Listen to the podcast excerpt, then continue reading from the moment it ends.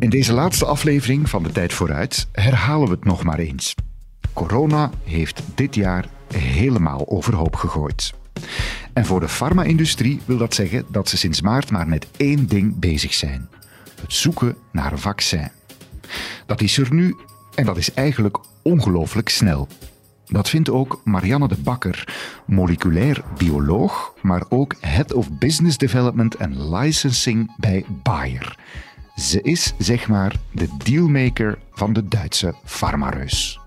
Van het kennen van het COVID-19-virus, eh, de sequentie eh, in januari dit jaar tot nu in, in november eigenlijk al een vaccin op de markt brengen. Dus dat, is, zijn ongelooflijke, ongelooflijke vooruitgangen in onze, in onze industrie.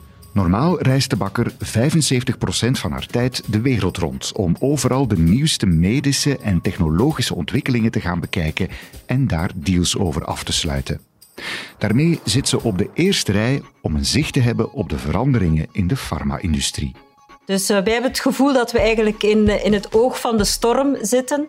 Er is een uh, biorevolutie aan de, hand, aan, aan, de hand en er is tegelijkertijd eigenlijk een, een technologische, digitale revolutie bezig. Niet alleen de medicijnen zijn volop aan het veranderen, ook het businessmodel van de farma-industrie evolueert. Stel je bijvoorbeeld voor dat je maar moet betalen voor een geneesmiddel als je ook effectief geneest dan moet daar misschien eigenlijk wel de betaling gekoppeld worden aan die zogenaamde outcomes. Uh, en dat er alleen een, een, betaling gebeurt wanneer er eigenlijk ook een positief resultaat uh, mee gepaard gaat. Dus dit is eigenlijk het soort, um, het soort modellen waar nu over wordt nagedacht en waar ook uh, overheden eigenlijk heel erg mee bezig zijn.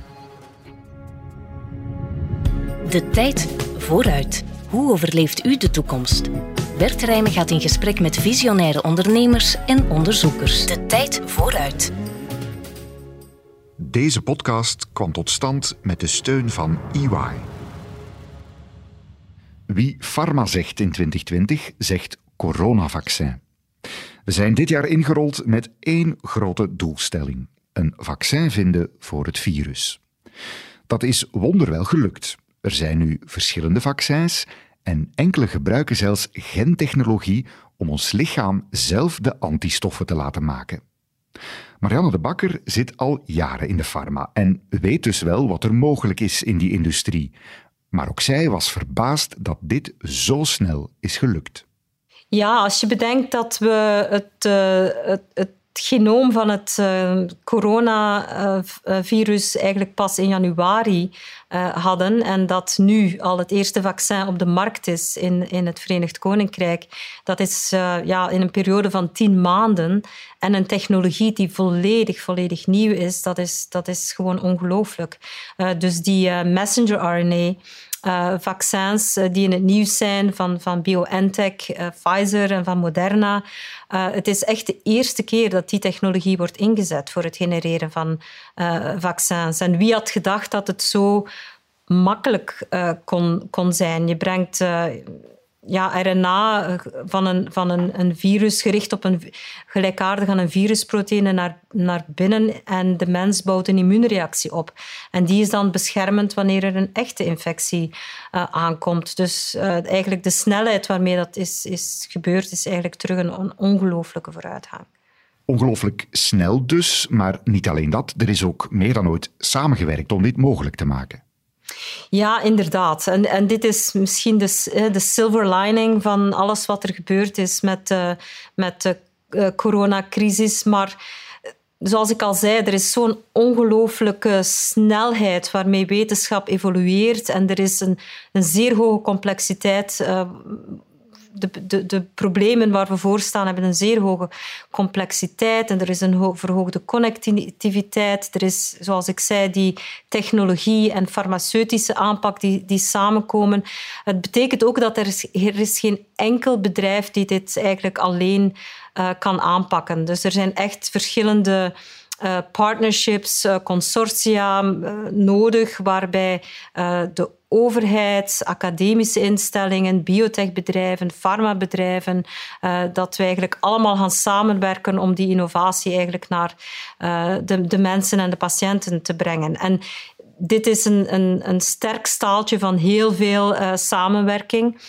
alhoewel wij als Bayer eigenlijk geen COVID-19-vaccin ontwikkelen, hebben wij ook in de voorbije tien maanden meer dan 80 uh, contracten afgesloten met, met uh, de Bill and Melinda Gates uh, Foundation, met de Europese overheid, het IMI, Horizon 2020 initiatief. Eigenlijk alles om bij te dragen tot het aanpak van, van de crisis. Dus de samenwerking die nu gezien wordt, is ongelooflijk. En ik, ik, ik geloof echt dat ook voor de toekomst eh, bedrijven die het beste worden in, in het bouwen van die, van die samenwerkingen en die netwerkingen uh, en die net netwerken uh, degene zullen zijn die, die er als winnaars uit de bus komen.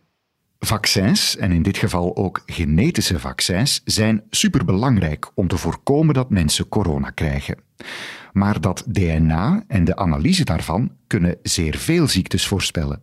Zoals je weet kunnen we nu voor 150 euro ons ganse genoom laten uh, uh, sequeneren bij, bij bedrijven zoals Ancestry of, of 23andMe. En dan voorspellingen krijgen over bepaalde genen die we in ons dragen, ons uh, mogelijkerwijs in de toekomst ziek kunnen maken of ons een hogere kans geven om een ziekte te ontwikkelen. Um, dan is er ook nu door gewoon ongelooflijk sterk toegenomen uh, en analytische uh, tools staan we nu heel dicht bij een doorbraak die het zal toelaten om kanker misschien wel tien jaar vooraf te gaan voorspellen. En door gewoon een staaltje, een klein staaltje bloed te nemen, een zogenaamde liquid biopsy, en dan circulating tumor DNA te gaan meten, dat is eigenlijk gewoon DNA dat wordt afgestoten door een, een kankercel.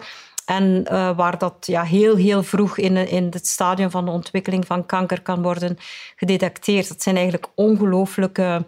Uh, dat is eigenlijk een ongelooflijke mogelijke vooruitgang, omdat je op dat moment eigenlijk heel vroeg uh, kan gaan ingrijpen, nog voor de ziekte zich eigenlijk echt heeft, heeft doorgezet. U hoort het goed. Kankers al tien jaar op voorhand opsporen.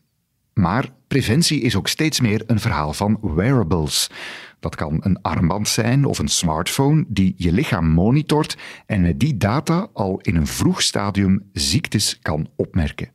Het, het is uh, nu, nu zo dat wij eigenlijk allemaal um, wel een of andere sensor of wearable uh, dragen die van alles uh, meten. maar wat eigenlijk heel veel start-ups en ook bedrijven zoals ons proberen te doen, is te kijken hoe kunnen we al die data die worden gegenereerd ook echt gebruiken om inzichten uh, te genereren die dan kunnen leiden tot uh, tot waardecreatie voor, voor de patiënt. En uh, één voorbeeld is, is uh, een klein bedrijf, uh, Winterlight Labs. die hebben eigenlijk een, een soort speech of een taalapplicatie die je mensen kan laten nemen en die dan eigenlijk een predictie geven van de, de cognitieve um, uh, ability. En dat is eigenlijk heel belangrijk voor mensen die uh, een, een, verhoogde kans hebben voor de ontwikkeling van Alzheimer bijvoorbeeld. Dan kan je eigenlijk de progressie meten. Dat betekent nog niet dat je echt al kan ingrijpen, maar dat is natuurlijk de volgende stap. Hoe beter we eigenlijk kunnen meten wat er aan de hand is, hoe beter dat we eigenlijk ook kunnen gaan nadenken over hoe in te grijpen. Preventie van ziektes kent dus een gigantische vooruitgang. Maar ook de behandeling van ziektes gaat met rassenschreden vooruit. Ook daar is de genetica echt cutting edge. Die wordt daar gebruikt om ziektes te onderdrukken, ook wel silencing genoemd. Ik uh, ben zelf moleculair bioloog en, en biotechnoloog, uh, maar ik, ik, sta absoluut versteld van de innovatie die we zien ook in de, de modaliteiten waarmee we eigenlijk ziekten gaan behandelen. Um, dus wat het silencen betreft, dus uh, er zijn bepaalde ziekten die eigenlijk worden veroorzaakt door een, een teveel aan bepaalde eiwitten, dus een overexpressie van bepaalde genen. En uh, we hebben nu medicijnen op de markt, eigenlijk sinds 2018 voor de eerste keer, die eigenlijk die, uh, die genen die we eigenlijk niet, niet nodig hebben, kunnen gaan silencen. Dus dat uh, maakt gebruik van, van wat men uh, siRNA noemt, of, of small interfering RNA. Dat zijn eigenlijk kleine snippets van, van RNA die binden aan het ongewenste RNA, die dan worden herkend door een complex en het, uh, het gen wordt dan verknipt. En op die manier raak je eigenlijk af van de, de overproductie van ongewenste eiwitten die tot ziekte leiden.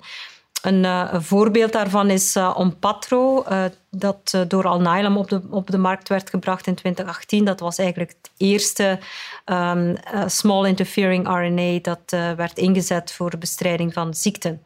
en de ganse technologie heeft um, al in 2006 eigenlijk een, een Nobelprijs gekregen. Uh, maar het toont ook aan dat pas twaalf jaar later eigenlijk voor de eerste keer iets op de markt uh, komt. Dus uh, het duurt wel even voor, voor we echt die progressie zien die dan effectief naar patiënten gaat. Het is een, in elk geval een gebied waar ik zeer passioneel rond ben. Ik, ik heb zelf een patent rond, rond delen van deze technologie. Uh, en ik zit ook in de raad van bestuur van een, een bedrijf in Los Angeles, uh, Arrowhead Pharmaceuticals, die zich uh, daarin volledig specialiseert. De tijd vooruit.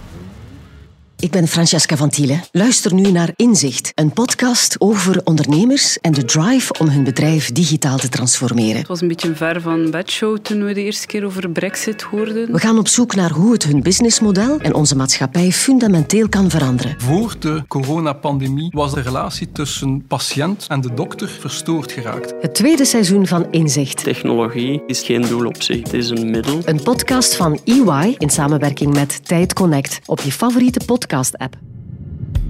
De tijd vooruit.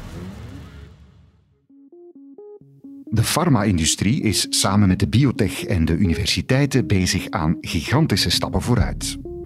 Maar dat gaat natuurlijk niet zonder een prijskaartje. En dan komt de discussie over te dure medicijnen op de proppen. De pharma krijgt daarover vaak kritiek het is eigenlijk zo, als je gaat kijken, zijn er, is, is er een ganse tendens geweest van uh, meer gepersonaliseerde aanpakken om patiënten te behandelen. Um, en die zijn ongelooflijk duur. Hè. Dus uh, de, de, de, behandeling die uh, Baby Pia gebruikte voor spierziekte met, met Zolgensma, ja, dat zijn behandelingen die, die miljoenen kosten. we hebben nu ook ongelooflijke behandelingen op, op de markt, zogenaamde CAR-T's, uh, die het mogelijk maken om eigenlijk uh, ja, individuele uh, immuuncellen, T-cellen van patiënten te nemen, die, terug, die te modificeren en die dan terug te plaatsen, zodat ze een specifieke tumor gaan aanvallen. Een beetje het summum van, van gepersonaliseerde medicijnen. Uh, en, en dat zijn natuurlijk ongelooflijke dure behandelingen. Dus als industrie zijn we echt aan het kijken van hoe kunnen we die behandelingen eigenlijk verder evolueren, zodanig dat ze eigenlijk voor een bredere populatie kunnen beschikbaar worden en dat ook de kosten meer kunnen gedrukt worden. Um, want de, ja, zoals we al eerder uh, bespraken, de betaalbaarheid van van uh, niet gewoon medicijnen, maar van gezondheidszorg uh, op zichzelf is natuurlijk een van de, van de grote, grote aandachtspunten waar wij elke dag eigenlijk mee bezig zijn. En er is zeker een, een tendens om samen met overheden te gaan zoeken naar oplossingen. Uh, voor heel dure gentherapieën bijvoorbeeld zijn er uh, op dit moment eigenlijk uh, bepaalde contracten die worden afgesloten om, om eigenlijk enkel te gaan betalen als er bepaalde resultaten worden bereikt. Maar het nadenken over niet meer gewoon betalen per, per medicijn of, of, of, of per, um, per, per behandeling, maar echt te gaan kijken naar het betalen, naar het, het creëren van echte waarde voor een patiënt, dat een patiënt beter wordt. Ik denk dat dat eigenlijk de trend is waar we, waar we zeker meer en meer naartoe gaan. Kan u dat nog wat uitdiepen? Wat zou dan die waarde voor die patiënt kunnen zijn? Wat, wat, wat, wat, wat betekent dat concreet? Ja, het, het is eigenlijk zo dat uh, meer en meer men gaat kijken van Vroeger werd er eigenlijk een werden eigenlijk medicijnen ontwikkeld die breed werden ingezet, uh, maar van de, eigenlijk achteraf uh, duidelijk was dat het eigenlijk misschien maar in 40% van alle patiënten echt werkte. Um, en nu is er eigenlijk meer het denken van oké, als dat het geval is, als er medicijnen zijn die breed worden ingezet, maar eigenlijk niet voor elke patiënt eigenlijk het eindresultaat um, bereikt van beter worden hè, in, in, in je ziekte, dan moet daar misschien eigenlijk wel de betaling gekoppeld worden aan die zogenaamde outcomes. Uh, en dat er alleen een, een betaling gebeurt er eigenlijk ook een positief resultaat uh, mee gepaard gaat. Dus dit is eigenlijk het soort... Um, het soort modellen waar nu over wordt nagedacht en waar ook uh, overheden eigenlijk heel erg mee bezig zijn. Als er dan een eh, resultaatverbindenis moet komen voor zo'n medicijn, wat betekent dat dan voor het businessmodel van de farma? Ja, uh, het, het, is eigenlijk zo dat um, wij proberen, of, of, ik zal misschien eerder um, teruggaan. Als je kijkt naar onze industrie, in tegenstelling tot heel veel andere industrieën, is het zo als je een, een medicijn gaat ontwikkelen, is het niet zo dat in de verloop van de voorbije 10, 20 jaar bijvoorbeeld de kost van een ontwikkeling van een medicijn is verminderd. Integendeel, de kost om een medicijn te ontwikkelen is ongelooflijk groot. Uh, men, rekent, men rekent gemiddeld op 2 tot 2,5 miljard. Uh, om één medicijn eigenlijk te ontwikkelen en naar de markt te, uh, te brengen. Dus dat zijn ongelooflijke uh, kosten. En uh, zoals je weet, uh, er is enorm veel risico mee verbonden. dus als je helemaal in het begin staat van de ontwikkeling van een medicijn, nog voor het in, in gezonde vrijwilligers wordt getest, heb je minder dan 10% kans dat het medicijn ook effectief de, de, de patiënten of de markt zal, zal bereiken. Dus we, we zitten eigenlijk in een, in een industrie waar er het enorm duur is om medicijnen te ontwikkelen en waar eigenlijk heel veel risico mee gebonden had. Maar we zijn ook, zoals we net bespraken, eh, aan het, aan het verschuiven naar andere modaliteiten. Dus vroeger was het zo, en, nu is natuurlijk nog altijd uh, heel veel medicijnen zo op de markt, waarbij als je een bepaalde ziekte hebt, zoals, zoals AIDS, HIV, dan word je eigenlijk je ganse leven uh, chronisch behandeld met medicijnen. En je moet elke dag weer je medicijnen innemen of, of, um, of anders uh, komt de ziekte terug. Nu is het eigenlijk zo dat met aanpakken zoals gentherapie uh, je eigenlijk maar één keer een toediening hebt van een, een medicijn en dan is de patiënt genezen voor de rest van, van zijn of haar leven. Dus dat is een totaal ander model. En daarom zijn deze... Uh, en dan moet je eigenlijk, zoals, uh, zoals u zei, een, een terugverdienmodel ontwikkelen, zodanig dat ondanks het feit dat er maar één toediening is, je toch die heel grote kosten van ontwikkeling uh, kan, uh, kan, kan. Dus dat is iets dat uh, wij als farmaceutische industrie en, en ook als terug overheden eigenlijk echt over aan het nadenken zijn van hoe kunnen we eigenlijk zorgen dat gezondheidszorg betaalbaar blijft. En het is niet zo dat wij nu alle oplossingen nu al hebben, maar er wordt uh, heel veel over nagedacht. De tijd vooruit. Het businessmodel van de pharma is dus aan het veranderen. Maar daarnaast is er ook een grote geografische shift. China manifesteert zich steeds meer ook als een farma-grootmacht. Niet enkel voor de productie van al bestaande geneesmiddelen, maar ook voor de ontwikkeling van nieuwe medicijnen. Vroeger was het eigenlijk zo dat uh, wij samenwerkingen afsloten in China, vooral om eigenlijk commerciële um, uh, partnerships te doen en, en eigenlijk uh, groei te, te te kopen, zogezegd. Uh, maar nu is het eigenlijk zo dat wij naar China gaan kijken als bron van, van innovatie. Um, en uh, terug vooral in alles wat te maken heeft met celtherapie zijn zij eigenlijk een van de koplopers. Wat betekent dat eigenlijk voor ons en ook voor u als industrie? Zal dat zwaartepunt dan wat ja, toch ook vooral richting Azië, aan China met name, moeten verplaatsen? Ja, ik denk het is eigenlijk goed dat uh, hoe meer innovatie en hoe meer uh, onderzoekers werken op nieuwe manieren om ziekten aan te pakken, dat is goed voor ons allemaal. Hè. Uh, maar als, als ja, dealmaker is het zo dat het inderdaad betekent dat we veel meer contacten hebben met China. Ik heb dit jaar al drie deals afgesloten eigenlijk voor de Chinese markt. En, en ja, er zijn eigenlijk veel meer contacten met Azië dan, dan vroeger. En zoals ik zei, het is niet alleen meer als een, een, service provider, maar echt als een, een, bron van innovatie. China wordt dus naast de medicijnenfabriek ook steeds meer het laboratorium van de wereld. Maar hoe doet Vlaanderen het dan? Wij hebben toch ook goede biotech- en farmabedrijven bij ons? België en Vlaanderen doet het eigenlijk heel goed in de biotech-sector en België doet het heel goed in de farmasector. En ik ben ook heel fier dat nu de eerste vaccins voor eh, COVID-19 eigenlijk worden uh, verscheept vanuit, vanuit Puurs naar het Verenigd Koninkrijk. Dus er zit enorm veel kenniskunde, innovatie in, in ons land. dat is ongetwijfeld zo. maar het is ja, het, het, het, het, nemen van, van risico, het, het, het groot dromen, het, het, eigenlijk comfortabel zijn met een grote droom uh, verkopen en daar mensen rond verzamelen en dan heel veel geld ophalen om dat mogelijk te maken.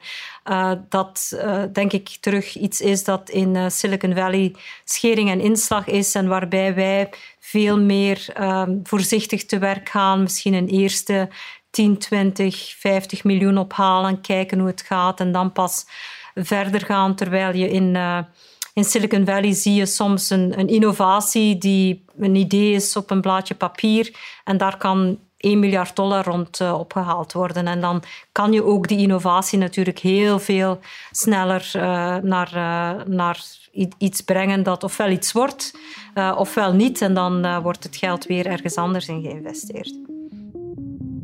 Waar zal de pharma staan over tien jaar? De bakker ziet vooral gigantische mogelijkheden in cel- en gentherapie. En steeds meer digitale geneeskunde.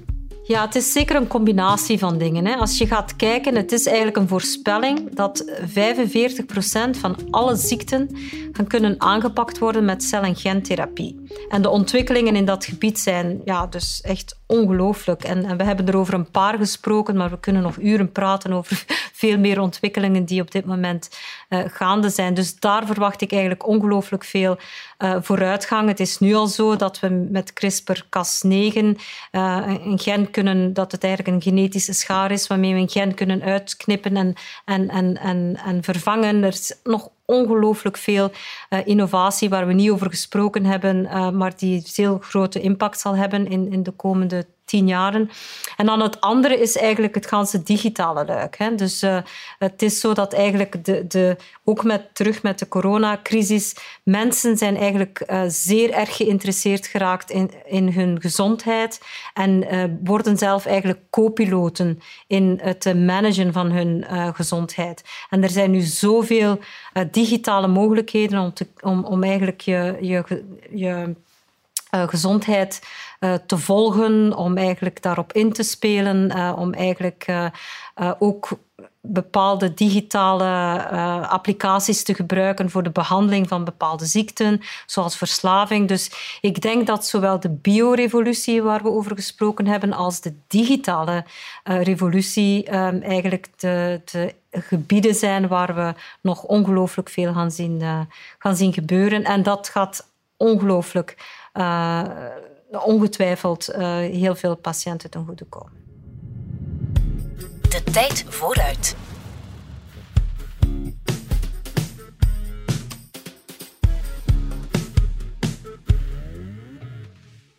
Hallo, ik ben Francesca van Thiele en ik kwam al heel vaak in contact met Belgische bedrijven. En het fascineert mij altijd om te zien hoe de mensen in deze bedrijven omgaan met verandering en nieuwe technologie. Het was een beetje ver van bedshow toen we de eerste keer over Brexit hoorden. En daarom mag ik samen met EY op bezoek bij bedrijven en organisaties die volop bezig zijn met innovatie. Voor de coronapandemie was de relatie tussen patiënt en de dokter verstoord geraakt. We gaan op zoek naar hoe het hun businessmodel en onze maatschappij fundamenteel kan veranderen. Technologie is geen doel op zich, hè. het is een middel. Het tweede seizoen van Inzicht, een podcast van EY in samenwerking met Tijd Connect op je favoriete podcast-app.